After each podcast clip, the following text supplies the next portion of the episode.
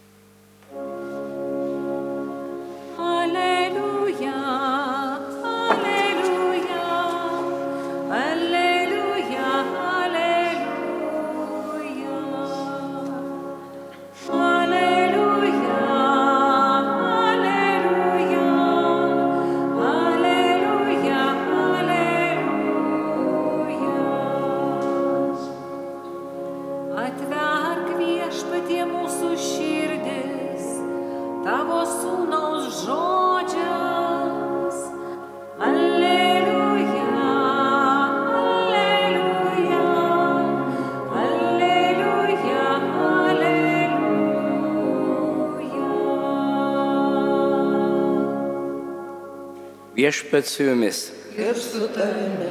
Iš Ventosios Evangelijos pagal Morkų. Garbė tau viešpatie.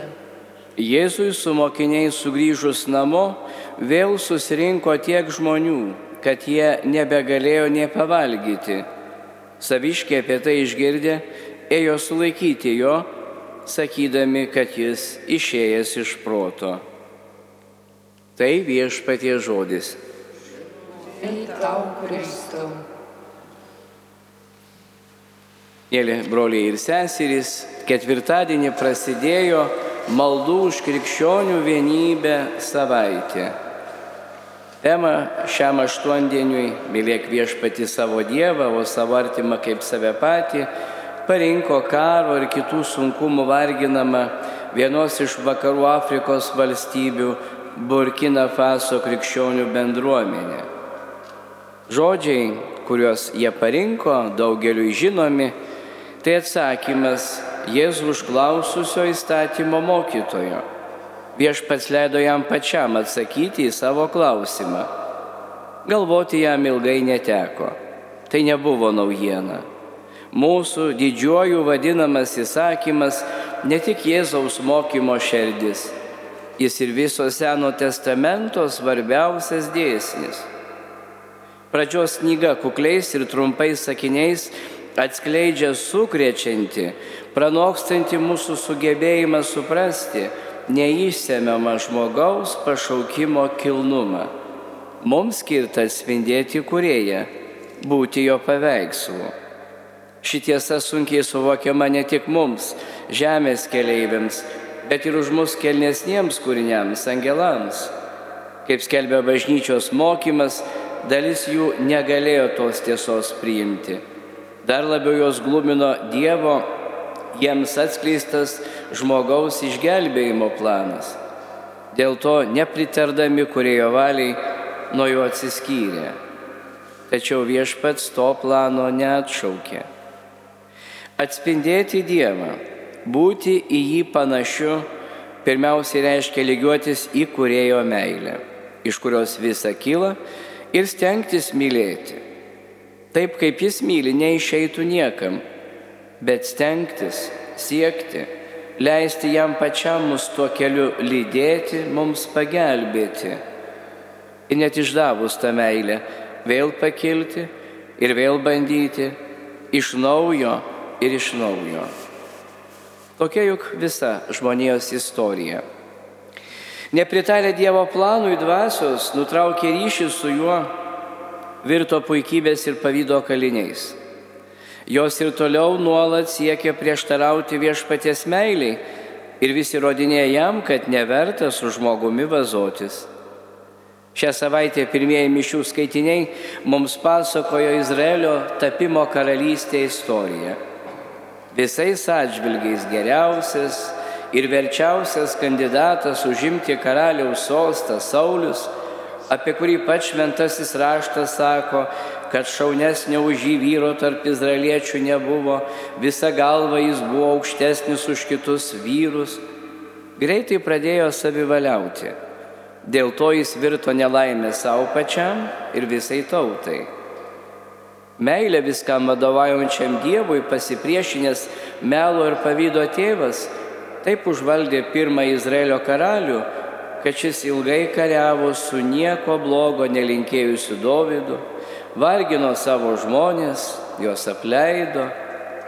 Dramatiška šito konflikto atomasga, kurią pateikė šiandien girdėtas skaitinys, parodo, kad visas blogis su Sauliaus mirtimi nesibaigė.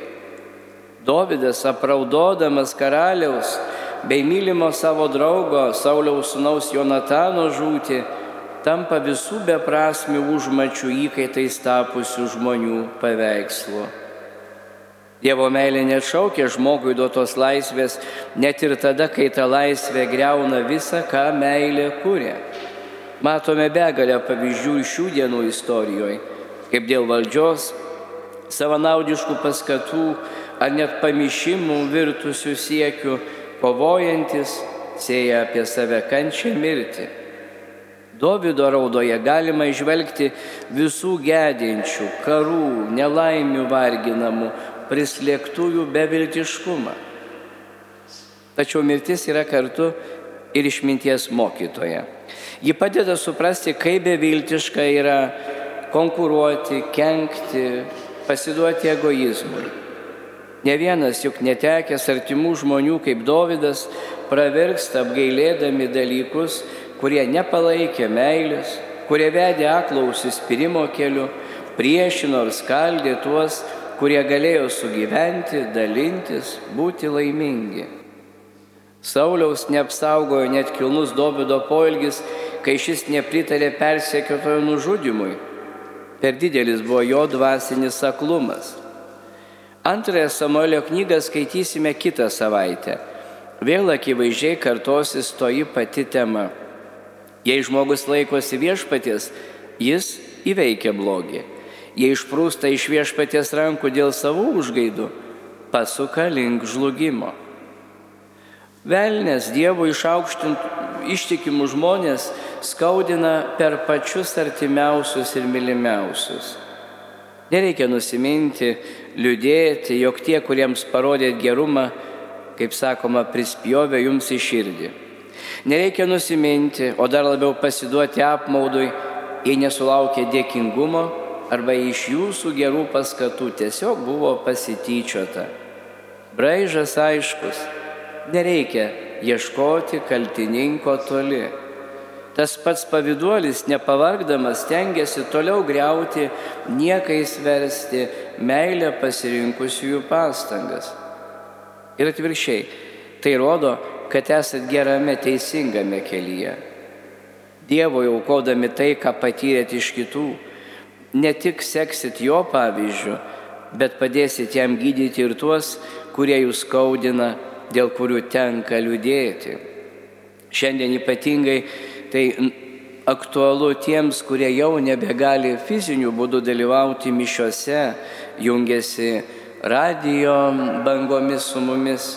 Aukokit savo išmėginimus, sunkumus, vienatvę, liūdėsi, atiduokit į labai talentingas viešpaties rankas kad jis panaudotų tai pasaulio gydimui ir pataisimui, kad prisidėtume tai prie taikos, prie vienybės. Kaip girdim Evangelijos skaitinė, net Jėzaus namiškiai savieji nepaėgė jo suprasti. Tai, ką Jėzus darė, nesutapo su žmonių lūkesčiais, nesutapo su įsivaizdavimu, jų supratimo apie Dievą ir gyvenimą. Piktasis jausdamas, kad ateina galutinis jo maišto ir jo užsispyrimo pralaimėjimas, iš paskutiniųjų bando atitraukti viešpati nuo jo plano, bent jau nutolinti tą pralaimėjimą. Daugumą žinot, kad izraelitai gyveno didelėmis šeimomis. Juozapas turėjo turėti ne vieną brolį, kurių šeimos keliasdešimt žmonių dalinosi tais pačiais namais. Greičiausiai Jėzaus pusbroliai čia minimi, bet ne tai svarbu. Tie, kurie ne vieną dešimtmetį gyveno su žmogumi tapusiu Dievu, jo net pažino. Jie matė tik žmogų, kurį ne visada suprato, bet norėjo, kad jis neįsiskirtų iš šeimos, nedarytų giminiai gėdos, kaip dabar pasakytume. Kas belieka?